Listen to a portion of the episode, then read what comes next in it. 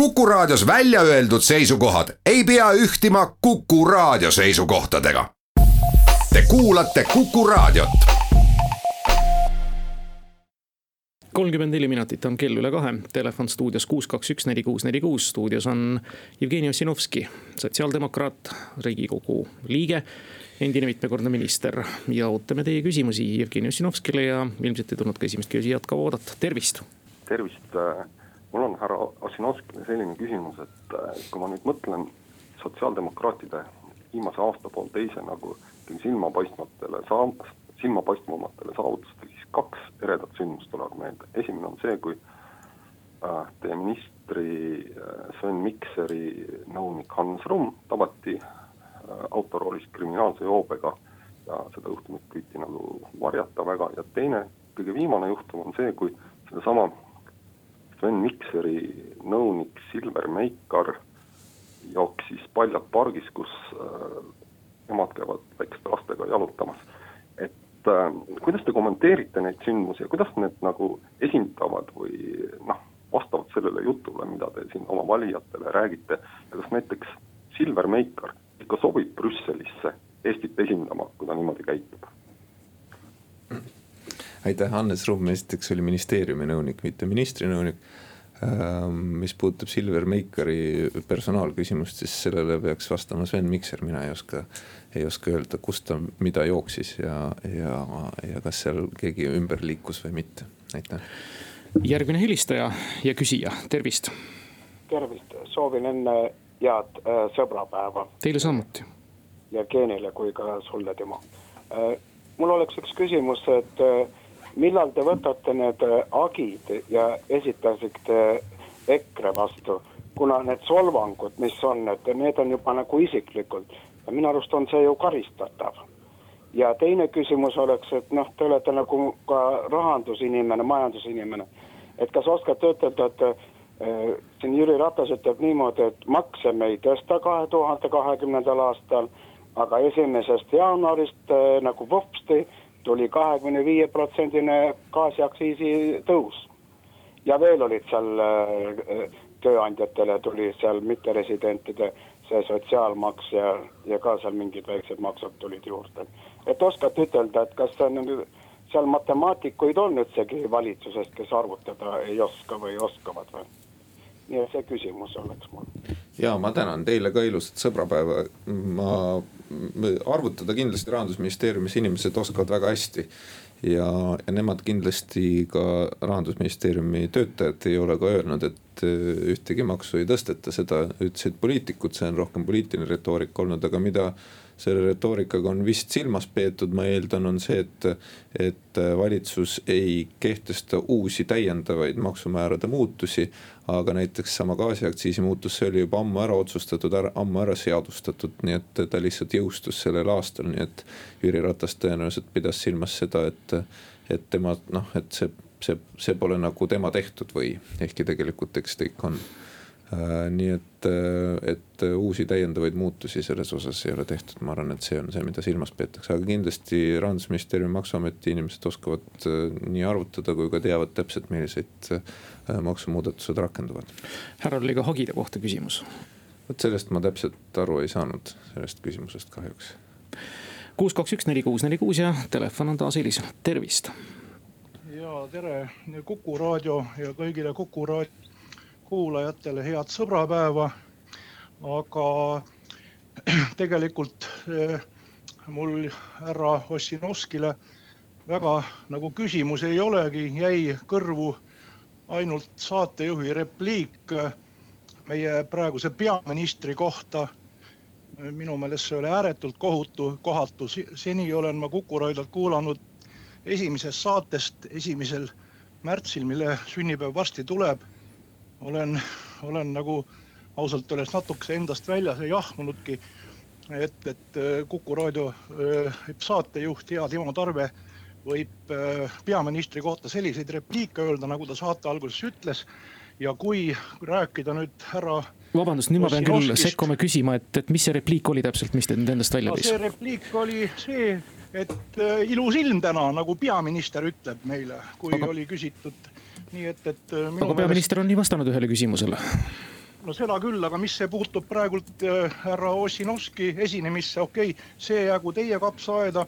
ja teine asi härra Ossinovskile veel, et äh, kui juba sildistamiseks läks ja Ossinovski sildistas nagu ühte erakonda äh, nagu kasimatuks või räpaseks või kuidas see sõna, kasimatuks erakonnaks, siis äh, noh, ka Ossinovskit on sildistatud, Jürgen Ligi sildistas teda kellegi pojana, nii et, et edu, edu opositsioonile. Jah, see sildistamine kahjuks on meil selline asi, millest võiks tõesti ühel hetkel lahti saada, siin ma ütlen küll subjektiivse arvamuse juures, et see elu kindlasti edasi ei vii. kuus, kaks, üks, neli, kuus, neli, kuus, me ootame küsimusi Jevgeni Ossinovskile, tervist.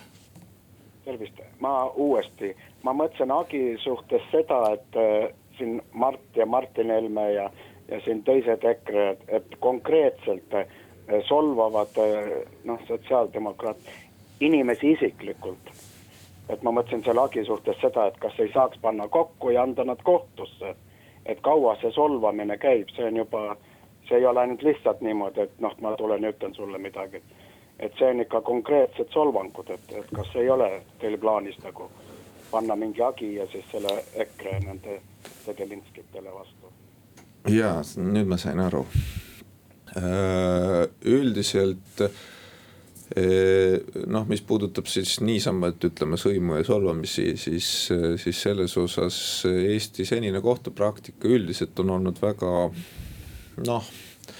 Eesti seaduslik ruum on, ütleme inimesi väga vähe kaitsev ja see isegi puudutab noh, ütleme seda diskussiooni, mis paljudes riikides on, mida siis selliseks vaenukõneks nimetatakse, kus siis inimesi tõesti ka ka sisuliselt äh, siiski noh, ütleme köetakse üles teatud siis emotsioone või, või, või viha teatud mm, inimrühmade vastu.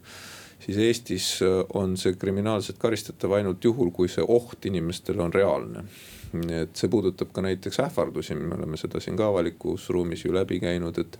et kui keegi ütleb, et ma löön su maha, aga ta pärast ütleb, ma tegin nalja, et siis ei olegi mitte midagi teha, nii et Eesti, Eesti seadusruum on selles mõttes hästi hästi selline minimalistlik selles kontekstis, on võimalik tsiviilhagi korras nii-öelda mingi maine, nime ja au teotamise eest muidugi kohtusse minna, aga üldiselt see poliitikutelt eeldab äh, ka kohtuvõim ja ka avalik võim seda, et eks äh, teie peate ikka sõimu taluma, ise ju valisite endale sellise ameti, nii et.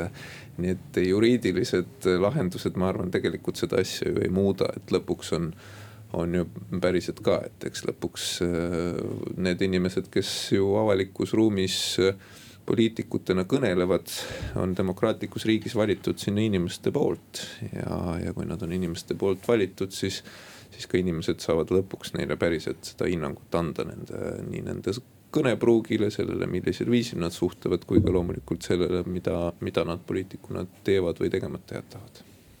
Telefon kuus, kaks, üks, neli, kuus, neli, kuus on taas helisenud, tervist. tere päevast, minul on härra Jevgeni Ossinovskile selline küsimus. Eesti on juba pikemat aega Euroopa Liidus, aga ta ei ole veel ühinenud Euroopa sotsiaalhartaga. et kuidas Jevgeni seda kommenteerib? Aitäh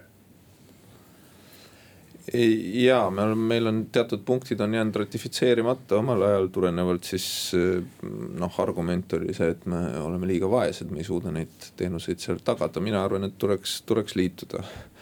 Äh, noh, omal ajal, omal ajal tähendab siis nüüd, kui sotsid veel valitsuses olid, kuni eelmise aastani sai seda küsitud, et võiks seda teha Eesti on võtnud üldiselt sellise hoiaku kõikide eh, rahvusvaheliste konventsioonide ja, ja hartadega, et me enne viime oma tegevuse siis ja oma seadusandluse kooskõlla juba nende konventsioonidega ja siis pärast seda liitume nendega, et ei tekiks olukorda, et me oleme liitunud siis mingisuguse harta või konventsiooniga, tegelikult riik eh, siis eh, ise ei vasta nende nõuetele, eks. Aga, aga noh, nagu ikka siis, et äh, öeldi, et noh, siin läheb veel ühe ja teise ja kolmanda asjaga aega, aga noh, aus vastus vist on jah see, et, et seda pole piisavalt prioriteetseks, prioriteetseks siiani peetud ja ega küsimus ei ole ju konkreetselt noh, selles hartas, ega siis see harta kui selline ei ole ju eesmärk, eesmärk on see, et Eesti suudaks riigiühiskonnana tagada eh, siis vajaliku sotsiaalse turvavõrgu kõigile, kes seda vajavad. ja see loomulikult meil täna veel, veel kindlasti kõigile piisav ei ole ja enne reklaamipausi kuulame veel ühte küsijat, tervist. tervist, mul on härra Žinovskile selline küsimus ühe eilse raadiosaate baasil. Kuidas inimene võib ära, või suudab ära elada kahesaja kahekümne euroga kuus, kui ülejäänud jääb täituri kätte, kuidas on see võimalik Eestis üldse, on see võimalik või ei ole? siin oli siis viide nüüd tõesti sellele, kuidas töövõime mm, rahast vist jah, kohtutäiturid võtsid ära ja seal oli vist ka tehniline probleem, nüüd sai loodetavasti see nüüd ka lahendus, aga jah, elatusmiinimum. ja see on noh, see probleem iseenesest on lubamatu ja, ja selles mõttes on, on iseenesest kogu see kogu see teema, mis puudutab seda minimaalset äh, äraelamist ja, ja, ja, ja, ja elatust on tegelikult Eestis loomulikult äh, ääretult raske ja probleemne. Äh, nüüd kohtutäitureid puudutavalt on seal noh, mitu, mitu omaette sellist haru, et esiteks on muidugi küsimus see, et et kuidas ja mis on jäänud riigis ja ühiskonnas tegemata, et meil on pea sada tuhat inimest, see on nüüd paari aasta tagune statistika, ma arvan, et see väga palju ei ole muutunud, pea sada tuhat inimest, kellel kontod on arestitud, kellel on need nõuded üleval noh, siin üks kindlasti noh, valdkond näiteks, mis oli pikalt alareguleeritud, selgelt on kogu see kiirlaenude maailm, eks. kus tegelikult riik ei rakendanud piisavalt nii-öelda aktiivset rolli selleks, et inimesi kaitsta selliste noh, röövkapitalistlike algatuste eest. ja kindlasti neid valdkondi on veel, kus, kus, kus me oleme jõudnud sinna, kus me oleme jõudnud. ja teiselt poolt on siis loomulikult see noh, põhimõtteline küsimus, et kui keegi siis juba on võlgu, et millisel viisil siis ja kui palju on võimalik siis Äh, äh, tema sissetulekuid arestida ja kahtlematult minu jaoks on, on, on asi elementaarne, et, et puudega inimesed on riigi erilise hoole all, seda ütleb põhiseadus, need on ühiskonna nõrgemad. töövõimereformi sihtrühm nende alla kuulub ja kahtlematult äh, tuleks tagada, et, et need inimesed ka sellistes olukordades oleksid riigi poolt tugevamalt kaitstud. teeme siinkohal väikese reklaamipausi ja siis jätkame kas vajad firmasse lisatööjõudu? kasuta HR Agency värbamisteenust, leiame sulle motiveeritud töötajad. Keskmiselt seitsme tööpäeva. nelikümmend kaheksa minutit on kell üle kahe, kutsed Metallicale saadetud, aga nüüd kutsume teid üles stuudiosse helistama, küsime Jevgeni Ossinovskilt küsimusi, telefoninumber on stuudios kuus, kaks, üks, neli, kuus, neli, kuus. Ja teie küsimused täna opositsiooni kuuluva Jevgeni Ossinovski, Sotsiaaldemokraatliku Erakonna juhatusse kuulute ja juhatusse kuulun mm. -hmm. nii et mingite otsustusprotsesside juures olete, aga meil on helistaja, tervist. tere päevast ja tere härra Ossinovskile. tere. mul selline küsimus, et või tähendab pigem, kas just küsimus, aga. no pigem ikka küsimus jah. jah, küsimuse laadne toode, ütleme nii. et äh, tavakodanikuna äh, olen natukene mures selle kuidas ma ütlen, laste elatusraha maksmise sidumise miinimumpalgaga. et äh, ise olen miini-, ise olen lapsele elatuse maksja, et äh, üldse ei ole kunagi sellest kõrvale hoidnud ega mitte midagi, olen alati maksnud, teinud. aga minu jaoks tundub nagu natukene nagu ülemäära on see siduda miinimumpalgaga, kuna tegemist on niimoodi, et kui mina pean saama hakkama täiskasvanud inimesega oma korterit ülal hoidma, autot, millega tööl käia, autole, millele kütet osta, et tööl käia. minu kõik need kulutused, ma pean hakkama saama siis äh, nagu näidati mul kohtupaberites, et kahesaja kahekümne euroga kuskil ja lapsel on siis mõlema vanema taot-, äh, miinimum on siis viissada eurot kuus, millega saab nagu laps hakkama miinimumina. et minul need nagu proportsioonid on kuidagi omavahel natukene nagu käest ära, et, et äh, noh, see on minu kui tava Eesti kodanik, et ma ütleme nii, et ma ei ole jah, sellest poliitikast nii väga sina peal, aga, aga ütleme, et see nagu tundus natukene vale, et, et see nagu siduda miinimumpalgaga, et äh, päris keeruline on nagu, et, et kuidas, kuidas te nagu ise arvate selle kohta, kui nagu ka inimene olles? ja ma tänan, e-, esiteks printsiibis Äh, sotsiaaldemokraadid ja mina isiklikult üldse ei poolda erinevate äh, tasude sidumist miinimumpalgaga. sest miinimumpalk tegelikult ei ole ühiskonnas mingisugune objektiivne toimetuleku mõõdik üldse. see on tegemist sotsiaalse kokkuleppega tööandjate ja töövõtjate vahel, kui palju riigis makstakse alampalka Äh, on ka objektiivsed mõõdikud olemas, näiteks äh, elatusmiinimum on statistikaameti poolt äh, on ju arvutatud objektiivne mõõdik ja see muutub siis tulenevalt reaalsetest kuludest, hindadest ja nii edasi. miinimumpalgaga sidumisel erinevate, näiteks ka lasteaiatasude sidumisel miinimumpalgaga tekib ka veel see täiendav küsimus. et see hakkab need erinevad, mida rohkem on neid seotud, seda rohkem see hakkab mõjutama ka sedasama alampalga läbirääkimise protsessi, et kui nüüd me nüüd alampalka tõstame liiga palju, siis vaadake näiteks näiteks elatise siis nii-öelda viiskümmend protsenti miinimumist äh, ka tõuseb automaatselt, nii et tegelikult printsiibis võiks need lahti siduda ja pigem siduda siis mingisuguse noh, objektiivsema mõõdikuga nagu näiteks elatusmiinimum. Teisest küljest muidugi, eks see regulatsioon on kehtestatud üldprintsiibist lähtudes, et lapse huvid tuleb seada esikohale ja selles kontekstis siis ka, ka mõistagi on, on, on noh, ütleme noh, regulatsioon kehtestatud sellisel viisil, et ta võib tunduda siis ka, ka teatud juhtudel ebaõiglane. Ehm, loogiline ja mõistlik oleks loomulikult kahtlemata selles olukorras, ehm, kui on juhtunud niimoodi, et, et, et pere on lahku läinud, muidugi omavahel kokku leppida niimoodi, et kohtulikku sekkumist selles kontekstis vaja ei oleks ja siis tõesti kokku leppida ja mõistlikult ka niimoodi, et, et, et et elatise maksmise summad, aga noh, ma mõistan, et see äh, alati ja mõnikord isegi äh, tihti äh, võimalik ei ole. nii et jällegi lühidalt kokkuvõttes me oleme seda ettepanekut teinud, proovida see lahti siduda.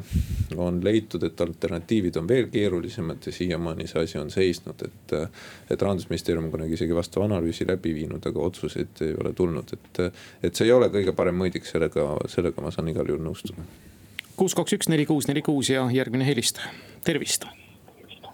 tervist. kui te nüüd nii hirmsasti seda teist pensionisammast äh, kaitsete, et miks te mitte midagi ei räägi sellest, et kõik need inimesed, kes ühinevad teise pensionisambaga, saavad esimesest pensionisambast saadav pension on neil väiksem. aitäh ma ei tea, miks me seda ei räägi, minu meelest seda räägitakse, lihtsalt äh, tegemist on, on märkimisväärselt keeruka süsteemiga, sotsiaalsüsteem tervikuna, pension, pensionisüsteem sealhulgas. ja see, et, et äh, on teatud siis nii-öelda pensioniõigused esimeses sambas, sõltuvalt sellest, kas sa oled teise pensionisambaga liitunud või mitte, see on ju algusest peale olnud kehtivas seaduses ja ei saa öelda, et sellest nüüd keegi midagi rääkinud ei ole aga oluline tervikuna on siiski ju see üldprintsiip, et vananevas ühiskonnas on vaja pensioniks ette säästa. sest me tegelikult ei kannata välja seda äh, suurenevat maksukoormust tulevikus selleks, et äh, väärikaid pensioneid maksta, me ei suuda neid tänagi maksta tegelikult ju väärikas suuruses ja, ja igasugused ettepanekud, mis viivad pensionisüsteemist raha välja tänaste kulutuste tarbeks, on, on printsiibis valed. ülejäänud detailide osas võib ju, võib ju arutleda, et, et, et see pensionireform tegelikult ei ole suunatud mitte selles suunas, et, et pensionisüsteemi jätkusuutlikkust suurendada, vaid tegelikult on suunatud sellele, et luua inimestele see korraks mõnus tunne, saab raha välja võtta, teha midagi muud, loodetavasti ka vajalikku mitte niisama teda, seda raha ära kulutada, aga siiski teha seda täna, ehk siis rahuldada tänaseid vajadusi. aga riik ja ühiskond peaks, kes tahab kesta ja Eesti riik ja ühiskond ikka tahab kesta peab siiski mõtlema kaugemale kui täna ja homme, vaid äh, ikka sinna kolmekümne, neljakümne, viiekümne aasta taha. ja siin on siiski vaja analüütilist vaadet, siin on vaja usaldada neid inimesi, kes oskavad modelleerida, kes näevad seda, millisel viisil, kui palju meil on pensionäre, kui palju meil on vaja raha selleks, et neile väärikat pensionit maksta. ja nad on kõik ühest suust öelnud, et äh, kallid sõbrad, meil on vaja koguda rohkem, mitte vähem. me jõuame ühe kõne veel vastu võtta, kui ta meil liinil on ja tundub, et on, tervist tere, tere. Mm, mul oleks õieti kaks sihukest pisikest küsimust. esimene, äh, ilmselt on nõnda, et äh, tulevad valitsused sageli peavad parandama eelmiste valitsuste vigu ja kas selle apteegireformiga ei juhtunud ka niimoodi, et kuna see tähtaeg määrati väga pikaks, siis vahepeal unustati ära ja noh, siis molutati seni, kuni see tähtaeg jõudis ja siis äkki selgus. et kas ei ole äh, siiski taoliste pika vinnaga seaduste puhul valitsusel kohustust jälgida, kas need asjad ikka liiguvad edasi. sest muidu ju tuleb ju alati neid survegruppe, kes hakkavad tagasi pöörama. ja, ja teine küsimus oleks niisugune, et see teine pensionisammas ju tegelikult on äh, varjatud maksukoormuse suurendamine ja siin võiks jällegi öelda, et kui need pensionifondid nii viletsad olid, no sedagi oleks võinud ju keegi ette näha, mitte nii, et viimasel momendil avastas nii, kadus härra ära, aga me saime vist küsimused kätte, aitäh. Et mis seda teist küsimust puudutab, et kas oleks pidanud varem reageerima pensionifondide ütleme kõrgetele tasudele ja muudele efekti-, ebaefektiivsustele, mis seal on. vastus on loomulikult jah, oleks võinud, oleks pidanud. nüüd teine ja hoopis eraldi küsimus on see, et ehkki seda ei tehtud või tehti liiga hilja. kas see tähendab seda, et me peaksime kogu süsteemi nüüd maha lammutama, et ma ei arva, et see sealt kuidagigi järeldub, et jah, lahendame need küsimused ära Äh, teeme teise pensionisamba äh, paremaks, aga ärme seda, seda nüüd ära lõhu, et, et see, see mitte kuidagi ei järeldu sellest, et, et varasemas valitsemises vigu on tehtud. Nüüd, äh, et varjatud maksukoormus, tõepoolest me ju teise pensionisamba kontekstis kogume pensioniks rohkem et äh, kui me muidu koguksime. kaks protsenti, mis inimene oma palgast juurde paneb, ta panebki oma palgast äh, juurde tema isiklikku raha Äh, paneb kõrvale iseenda pensioni maksmiseks tulevikuks. Äh, seda võib nimetada noh, ka teatud siis makseks, mis tõesti kohustuslikult ju palgast maha läheb, aga eripära ja erinevus tavalisest maksukoormusest on see, et see on tema isiklik raha, et see ei ole üldine, äh, see ei lähe üldisesse maksupotti, kust kaetakse mingeid üldiseid kulutusi, vaid inimene tõesti paneb selle isiklikule pensionikontole, kust ta selle sama raha hiljem siis kätte saab, siis kui pensioniga kätte jõuab nüüd, mis apteegireformi puudutab, siis tõepoolest avalikkusele on jäänud mulje, et, et viis aastat ei toimunud mitte midagi ja nüüd siis päris viimasel hetkel on hakanud väga aktiivne tegevus pihta. et tegelikult olles kolm aastat sellest viiest aastast sotsiaalminister, võin ma kinnitada, et tegelikult see surve selle tagasipööramiseks oli pidev Äh, ta lihtsalt esimesed kolm aastat oli valdavalt juriidilist laadi, vaieldi, pöörduti õiguskantsleri poole, oli mitu kohtuvaidlust, käidi Euroopa Komisjonis, ehk siis püüti tegelikult pöörata seda reformi ümber õiguslike argumentidega. see ebaõnnestus ja nüüd siis on tuldud viimasel hetkel siis seda püüdma uuesti poliitiliselt teha minu ajal püüti seda ka poliitiliselt teha, lihtsalt mina vetostasin kõik need katsed. nüüd on tulnud uus valitsus, kellega on olnud noh, ütleme läbisaamine siis äh, pehmelt öeldes parem eks, nüüd on küsimus selles, et kas oleks saanud midagi varem ja paremini teha ka selles valdkonnas ülemineku mõttes. teoreetiliselt võib ju arutada küll, aga ei saa öelda esiteks, et midagi ei oleks tehtud ja teiseks mõelgem sellele, tegemist on väga kasumliku äriga. riik on andnud viis aastat üleminekuaega tänastele hulgimüüjatele oma apteekide pidamisel. miks me peaksime eeldama, et nad annavad oma apteegid üle või lõpetavad oma seniste apteeki tegevuse varem kui päris viimasel hetkel, ehk siis kui viimasel kuul. ja õiguskantsler on ka öelnud, on täiesti legitiimne arvata ja eeldada, et ettevõtja kasutab kogu selle pikendustähtaja ära. sellepärast, et see on kasumlik äri ja miks ta peaks sellest varem loobuma, nii et see, et, et see põhirõhk tõesti tuleb kahekümnenda aasta aasta esimestele kuudele oli tegelikult ette planeeritud ja, ja sisse kirjutatud. Suur-suur tänu, Jevgeni Ossinovski täna stuudiosse tulemast, kuulete küsimustele vastamast, neid sai täpselt kokku kümme, edu, jõudu teile. aitäh